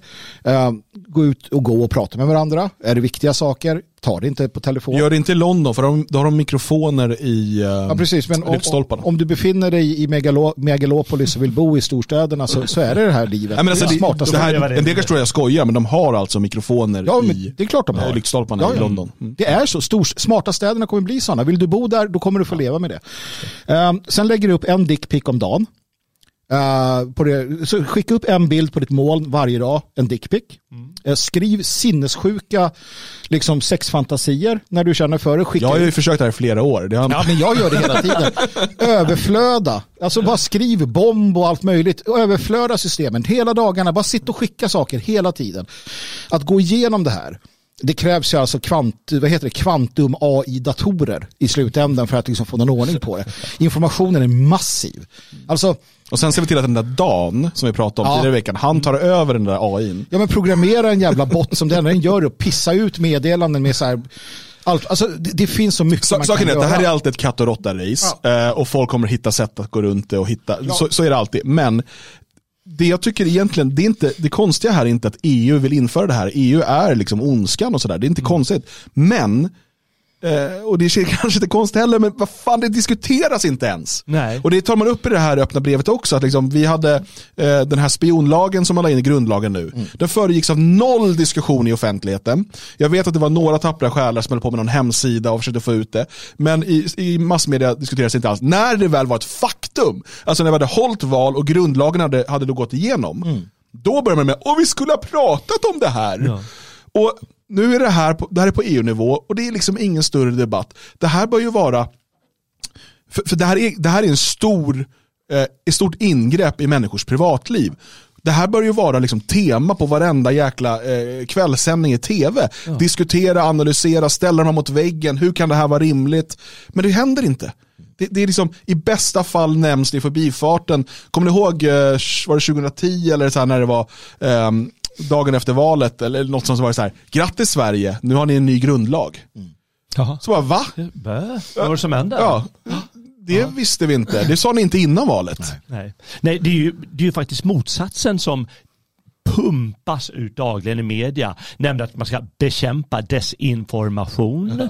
Det ska man göra och vi ska, ha, vi ska dra in yttrandefriheten för att eh, för att komma in i NATO eller något annat skäl. Alltså, det, det här är ju det är antagligen det stora ämnet som går nu. Det är hur de inte bara ska kunna övervaka de här stora staterna eller vad man nu vill ha det till, utan även kunna eh, ska säga, säga, göra att man inte får säga saker. Mm. Vi hade den här, eh, som jag, som jag sa innan sen, den här von der Lygen, eh, EUs eh, starka kvinna. Hon, hon använder då det här med att men det kommer rysk desinformation och därför ska vi Därför ska vi dra åt svångremmen när det gäller yttrandefrihet eller vad det Därför måste vi ha sådana här ministerier som tar hand om det här problemet. Där måste vi ha mer övervakning. Men vi vet ju att de här ryska trollen, de, de kanske stödjer, vad sa vi, miljöbekämpning eller något sånt. Mm. Att de har tagit över den här frågan. Jag har vänner som tror att allting som går dåligt, det beror på ryska troll. Mm. Men de, de faran är inte de ryska trollen utan det är ju det här som är faran. Mm. Men det pumpas dagligen ut i media motsatsen. Mm. Och det, det är som du säger, varför tas det inte upp? Men makten tar ju all chans den får. Så fort ett, ett tillfälle dyker upp, 9-11, krig, elände, då tar makten chansen. Och det har den alltid gjort, kommer alltid att göra. Så att... Men det, och så, precis, och, och kolla då eh, den här, eh, det här samarbetet mellan den politiska makten och den massmediala makten. Eh, och, och liksom hur folket så snabbt bara rättar in sig. Vi har alltså då, eh, när, när kriget, kort efter kriget ut, bryter ut i Ukraina, så blockerar man alltså e- e EU-invånares eh, möjlighet att ta del av ryska nyheter. Mm. Och det, alltså det är en ganska allvarlig censur utav internet. Som i stort sett inte har någon diskussion. Det finns, det har varit, jag, tror, jag vet inte om det var Reportrar utan gränser eller någon, någon liknande organisation mm. som har faktiskt varit ute och kritiserat det här. Mm. För att det här kommer vara, det här är ett hårt slag mot eh, pressfriheten och så vidare och det mm. kommer minska förtroende för journalistiken. Men det är det ena. Det andra är eh, bombningen av Nord Stream. Ingen pratar om det. Eh, liksom, vi sa från början, det är, ganska, ganska, det är klart att det kan vara Ryssland, men det, det, är ganska otroligt att det skulle vara dem. Idag tyder väl i stort sett ingenting på det, utan snarare att liksom USA, Norge, eh, vi har lite sådana här olika varianter. Det finns en del misstänkta. Som, ja, men som tyder på det. Men man pratar inte ens om det. Nej. Det är inte ens ett stort tema. Och man kan tycka att det var bra att den sprängdes, man kan tycka att Tyskland inte ska vara beroende av Ryssland. Det är liksom legitima åsikter, men det är, en, eh, det är, alltså det är ett ganska allvarligt angrepp att förstöra den typen av infrastruktur, i, speciellt i tider av energikris. Ja, mm. framförallt med tanke på uh, utsläppen uh, och hotet mot miljön som det här innebar med metangas. Eller ja, vad och, och när det gäller Greta sa ju det. Det var ju, det var ju nyheten. Ja, ja. Oj, oj. Hur farligt det är att det var så mycket koldioxid eller vad det heter. Just, oj, himmel. Ja, tänk på det. Men när det gäller uh, RT, Russia Today eller vad de heter. Uh, men det, varför låter de inte bara fritt så vi får se? Men då kan mm. de säga i tidningen varje dag, titta det där är rysk propaganda, va? RT kör rysk propaganda, det är desinformation. Då får de ju bevis för det. Mm. Men istället så är det, folk ska få leva i ovissheten och därmed bara kunna lita på, ja men det är nog sant det svensk media säger. Mm. Alltså, ja, det är nog sant. Framförallt så, alltså vad säger det, framförallt så förstår jag inte att, man inte, att man inte släpper rysk media helt fri för att när man ser ja. deras shower som är som en film. Ja, så vissa saker är ju, men, men, samtidigt så finns det ju uh, ibland. Det kan inte vara men, men, för saken är att ja, ja, man inser väl någonstans att uh, de människor man vänder sig till framförallt, alltså de ointresserade, de klarar inte av att värdera olika perspektiv. Alltså det är väl någonstans där och då, då så här, nej, det är livsfarligt för då kanske det här får bli viralt på Facebook. Den här versionen av vad som hände där eller där. Och det är livsfarligt för då, då kommer inte vår version vinna. Och det, ja, men det, i, I sig är det inget konstigt att ett land som befinner sig i krig och EU befinner sig i krig med Ryssland, var de, alltså det, sen på, på massa olika sätt. Eh, att man försöker då på olika sätt strypa fiendens propaganda och sådär. Det har man alltid gjort. Men Problemet här är att man kombinerar det med de här fina talen om pressfrihet och yttrandefrihet och det fria internet och det fria ordet. Eh, man, som uppenbarligen då inte längre existerar. Så fort, så fort det kommer till, eh, till sin spets så finns det inte längre. Precis som i Grekland, när Gyllene Gryning blir för starka, då blir de en kriminell organisation. En av eh, de yngre ledarna eh, startar sedan ett nytt parti, Nationalistpartiet, som nu ligger på 3-4% i opinionsundersökningar. Det är 3% spärr nu i grekiska valet. Då förbjuds de ställa upp i valet för att han är ju dömd till fängelse mm. för att ha varit med i Gyllene Gryning. Alltså, och, och så här, eh, Flams block blir för stort, blir största parti i Flandern, förbjuds. Um, NPD får veta, nej ni förbjuds inte, men om det blir större då förbjuds ni. Så fort de här talen om demokrati, yttrandefrihet, pressfrihet faktiskt prövas, då visar de sig vara falska. Mm. Ja. Och, och, och, eh, de säger, retoriken är ju, ja, men om vi låter desinformation flöda, då kommer det inte finnas någon frihet. Mm. Så kan de säga. Om ordet blir fritt, då kommer det inte finnas någon frihet. Det är så de argumenterar. Och det är ju, som du säger, sätter på sin spets så är det bara så, så är det förbud istället. Men som Mats skriver här i, i chatten, eh, fattar inte hur de kan styra så himla många reportrar och så. Någon borde göra uppror. Och det är ju problemet för de gör inte det. Nej. Det är inte så att de styr reportrar. Jag menar vi såg samma under, under det senaste stora kriget. Sådana som Rudyard Kipling satt och skrev liksom, eh, propagandanyheter åt britterna medan eh, media i Tyskland och annorstädes skriver lojalt där. Eh, de som inte gör det spärras in eller görs av med. Mm. Uh, man måste förstå i den situation man befinner sig i någonstans. Och det finns ju de som säger ifrån, som säger emot, men det är så massivt tryck. Nej, men det, det finns ju också psykologi, alltså något Pavlovs nästan i att de får lära sig tidigt, gör så här, Precis. så kommer du liksom få kaviar och champagne. Ja. Uh, gör det. på det sättet ja. så smäller vi till dig. Sen är ju de flesta journalister de tror ju på, de är liberala, vänsterliberala. Jo, fast de, de är, jag tror att många systemet. är det för att de, det, de, det, det lönar sig. Precis. De, de belönas ju för det. Mm. Alltså undermedvetet, det är inte så att de har tänkt sig jag gör det här för att jag belönas. En del gör säkert det. Ja, ja. Eh, men då, det är klart att du lär dig ju ända från barnsben i stort sett. Ja. Att tyck så här, säg så här. Mm. Jag, menar, hur, jag, jag har träffat ett flertal personer i mitt liv som har varit antingen inom politiken eller inom finans eller företagsvärlden eh, som har stått och pratat om sådana här saker, du vet, mångkultur, feminism och så här, som absolut inte tycker så, men som har sagt till mig, liksom, ja. nej men man ska säga så, det är bra, för att då kommer det här, det här. Eh, det kommer ut chatta härifrån den här Sam Bankman-Fried, han ja. Eh, FTX-skurken, ja. som, där han själv säger att, och han har ju byggt hela sin grej på att han ska vara en sån god vänsterliberal. Ja. Mm. Att han säger, nej men vi måste säga sådana här saker. För det är jättebra för finanserna. Han säger det internt, han vet ju vad han håller, han ja, liksom medvetet. Han och jag har liksom människor som har jobbat eh, högt upp inom eh, Centerpartiet till exempel. Som, som bara, ja, men fan det är klart, det är så vi ska säga, det är då vi får, då får man bra media, då får man bra, då syns vi. Och så. Det, det, det fantastiska i det här, det är egentligen inte det du berättar, utan det är att folk inte förstår ja. vad Kejsarens mm. nya kläder handlar Verkligen. om. Ja. Har ni läst den? Den är gammal, som fan! Han visste det här då, läste den och bara, just det, så här är det. Ja. Kejsaren är naken, men vi säger för fan ingenting, Nej. utom den där lilla pojken som bara, men hallå, vänta nu, gubbjäveln går ju att svinga med ballen. Det sa vi ju redan igår, att det, det är liksom folk ska leva i lögnen. Mm. Och folk vill leva i lögnen. Det är väl så. Ja, ja visst. Ja, lögnen är, alltså ignorance is bliss, lögnen är mycket trevligare på många sätt. Mm. Och många tror på det också, tycker det är en bra idé och så vidare. Så att, mm. Ja, mm. jag vet inte vad, jo jag tror nog cyniken är nog värst. De här som vet att de inte tycker så här. Ja, de, de säger det. oärliga på ett sätt ja. som är Jag har en, en, annan vän som driver ett eh, ganska stort eh, bolag inom eh, McDonalds heter det. Nej, eh, inom kosmetikaindustrin. Mm. Uh, och de har på sin hemsida, uh, alltså det är så här regnbågar och du vet, de är hbtq-certifierade och det är massa feminism och så här. Han tycker inte så kan jag säga. Nej. Uh, jag, han bara, nej men fan vi säljer mer om vi gör så. Ja.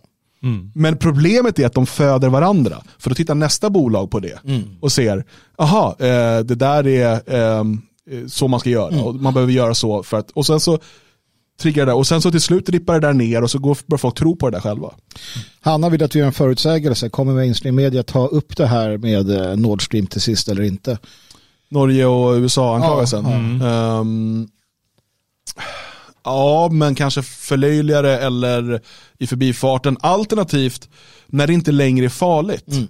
Ja. Alltså när du inte längre, når, når, om ett gäng år. Eh, så, så de är alltid sena Ja. på bollen och liksom, vet, när de ansvariga inte längre sitter i... i ja, Precis, precis. När, när det inte kan spela så stor roll så brukar de ju släppa lös saker. Det är ju mycket som har kommit 20 år senare att nej men det är klart att det var så här och då att, att de gör så här, titta vi, gör, vi, vi berättar sanningen för folket. Eh, och så vidare och så vidare. Jag menar, man, man, man, har ju, man började ju rucka på det här med Estonia, tillät um, Evertssons dokumentär, alltså det började komma upp saker. Nu har man ju satt locket på igen och så här, släppt fram oppositionen och sen strypt den.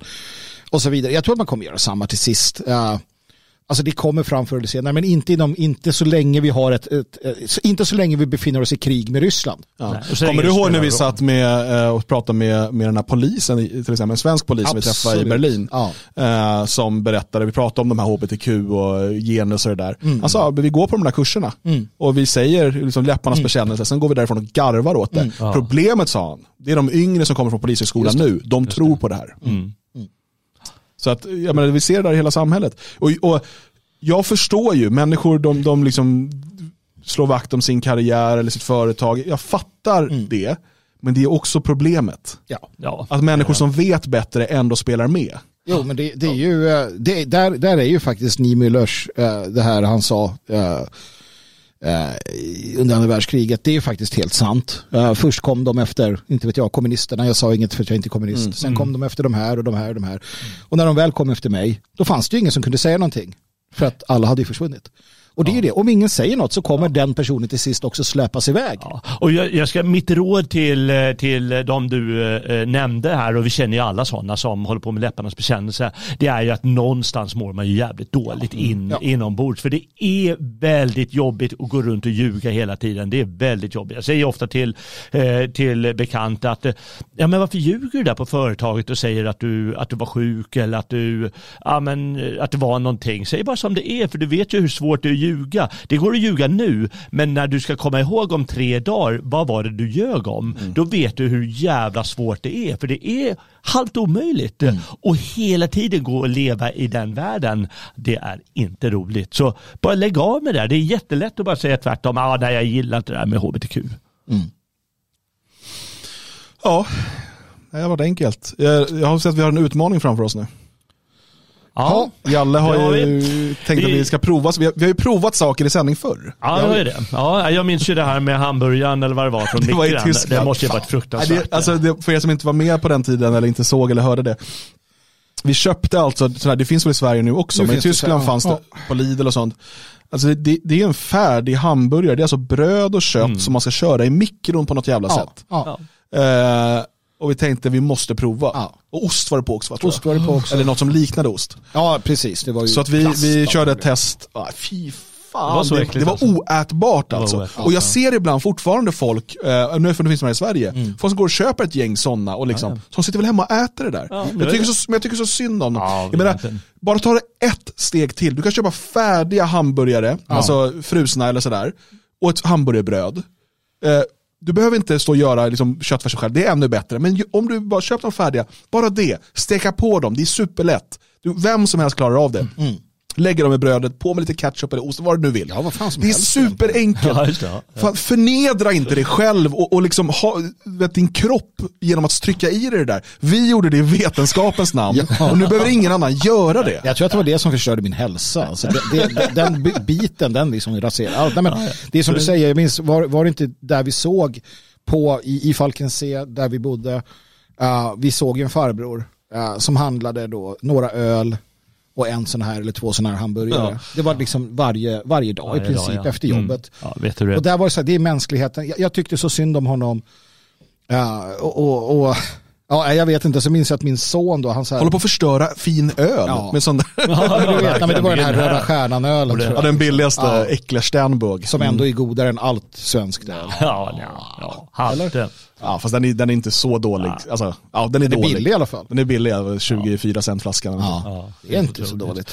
Nej, I vårt fall handlar det inte om det är så äckligt eller gott, så det handlar ju om traditioner. Det var roligt när jag, när jag halkade in på det där med tradition och så, alltså bara diskussionen för, för många Innan år var han sedan. hedonist och så sprang på bögläger och så, Nej, bara, så men- halkade jag in på det här med tradition va? Ja, nej, men, nej, men man själva ska inte- diskussionen om det. Och så, ja, man kunde klicka i ruta, handlade din text om traditionalism till exempel.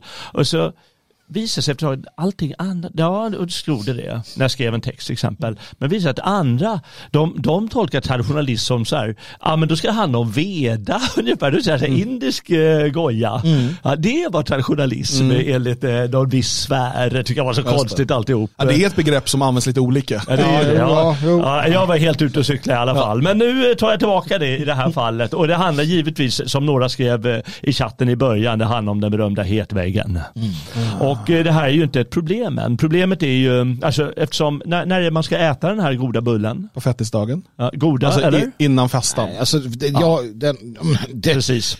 Jag är ju redan, i det här fallet så, så tycker jag att det är en, en ganska osmaklig ja. Eh, det där är, ja, det får du tycka som du vill. Det här är i alla fall, eh, det, det är ju ett par veckor fram i tiden nästan. Mm. Eh, mm. Och jag bråkar ju med min eh, fru varje dag om att vi kommer inte äta någon, någon sån där innan, Nej, precis. innan Och det ska vi inte göra idag heller.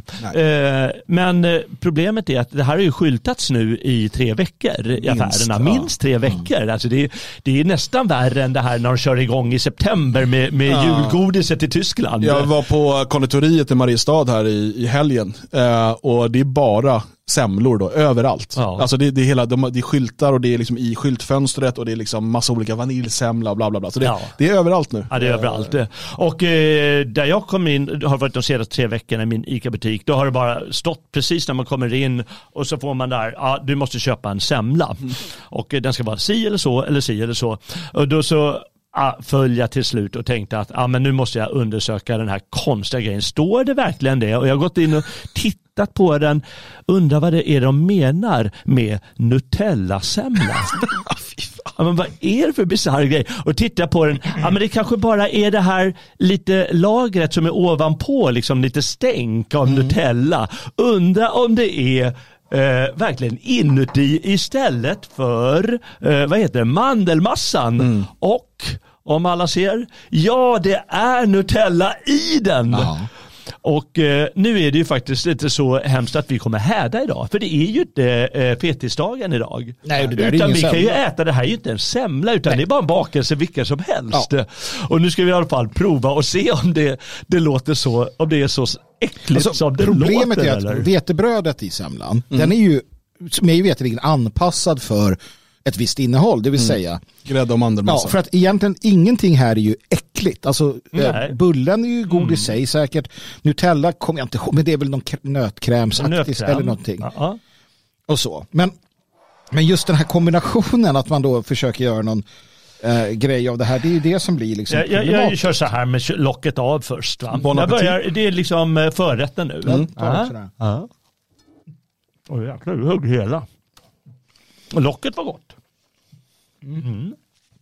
Här kom ju den här äckliga smaken av den här, så här problemet är det här. det här, det här är ju gott. Det är ja. problemet. Är det det? Jag har inte kommit till den. Alltså, ja, men det är sött och det är choklad och det är grädde och det är vetebröd. Det är klart att det är gott. Men man ska inte ha Nutella i en semla. ja, men jag gillar ju inte. ja, men det, det, blir väldigt sött. Eftersom jag eh. inte gillar, jag gillar ju inte semla. Så blir det ändå semla med Nutella. Och det är som att så här, nej men vi ska förstöra Nutellan med en, alltså, mm. Det är ju så här, semlan är ju så här att eh, alla traditioner är att du förväntar dig någonting. Det är barnet som tittar på julgranen och vet att det är tusen julklappar under. Du förväntar dig att det var på. Ja, Tänk om du sa, mm. nej, nu tar vi bort, nu byter vi ut julklapparna mot något annat. Nu kom jag längre in och då var det mer Nutella. Då var det för, ja, det var väldigt för, mycket, för mycket Nutella. Nutella alltså. mm. För att jag är inget stort fan av Nutella, men om jag ska ha Nutella på ett bröd eller på en, på en crepe till exempel kan man ha Nutella. Då vill jag ha väldigt tunt lager. Jag tycker inte om när det blir för mycket. Det blir så jäkla... Det, uh, så att det här... Jag vet inte, grädden på Nutellan. Ja, ja, jag vet inte. Ja, jag vet inte om det är förväntningarna som sviker. Och det är det ju alltid när man äter en sån här grej. Som jag sa med julklapparna. Um, det ska smaka på ett särskilt sätt, ska vara mandelmassa Det är ju det, hjärnan. Är det här, är det hjärnan som spökar eller är det att jag faktiskt tycker att det är lite äckligt där? Ja, ja men som Dan är inne på, den här grädden med Nutellan inte heller en bra kombination. Alltså det är ingen bra kombination. Faktiskt det är ingen bra kombination objektivt sett. Tycker inte jag i alla fall. Nej. Och den här Nutellan är också Alltså den, den, den, har en smak av uh, artificiell, alltså den är inte i, i originalutförande inte särskilt god. Jag kan tänka mig om du gör hemvispad okay, nötkräm. Mm, det är ju hasselnötter. Precis, bra, en, en hemvispad hasselnötskräm. jag har faktiskt provat, för det var ett gäng år sedan, men jag hittade något sånt där, gör din egen Nutella. Mm. Fast det var liksom, jag gjorde lite mer crunchy också, Ja. vet, sådär lite.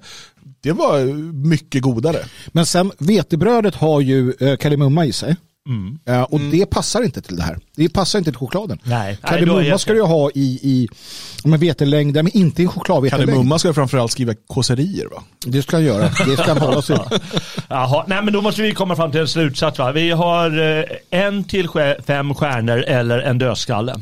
Jag dömer ut den. Du- Den, den, är inte, den, är inte, den är inte värd att äta. Ja, nej, jag tycker inte det. Ja, Nej. Nej. Nej men jag skulle nog, den, den, jag säger att den är uppe och snuddar på två stjärnor. Alltså, då ska jag säga att jag tycker att en riktig semla är fem stjärnor. Du måste ju utgå från att du, du tycker en riktig semla är en stjärna. Ja, ja, jo, precis, precis. Ja. Jag tycker verkligen, alltså en bra semla med bra mandelmassa, alltså färskt bröd, allt det här som du kan få på bra konditori, det är en Mm. femstjärna. Köper du på Ica, tre stjärnor kanske. Mm. ja, Sådär.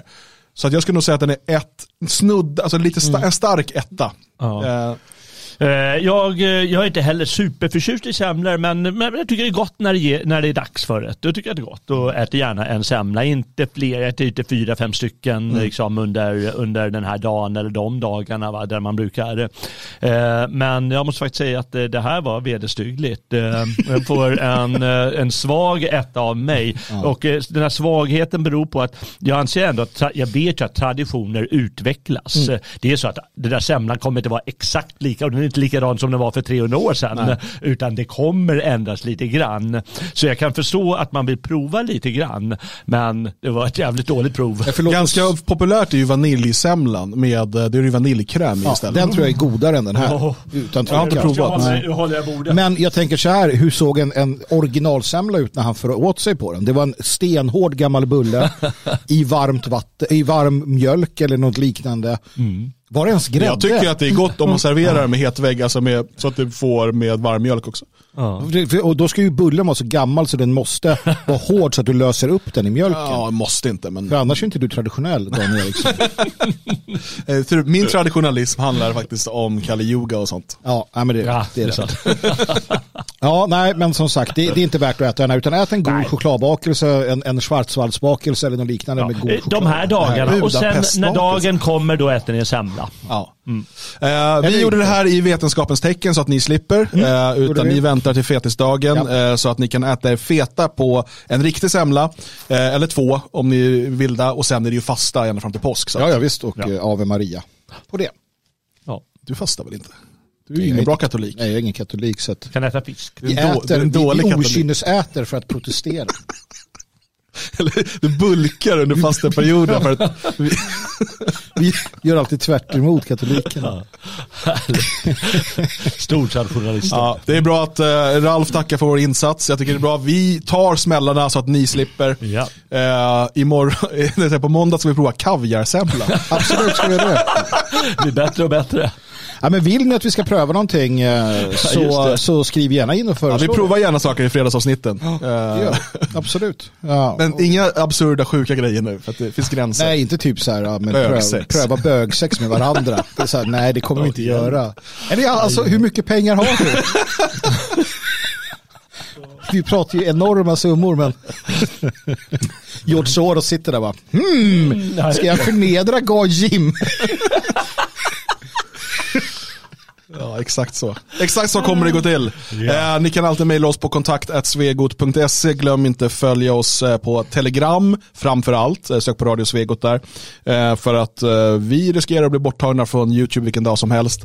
Eh, då sänder vi också på Odyssey och D-Live. Men, och på Spreaker såklart. Men för att alltid kunna ha koll på det senaste, följ på Telegram. Eh, tryck på den här knappen och så säger Magnus några avslutande ord inför helgen. Ta hand om er, ta hand om varandra, gör rätt, räds inget och ge aldrig upp.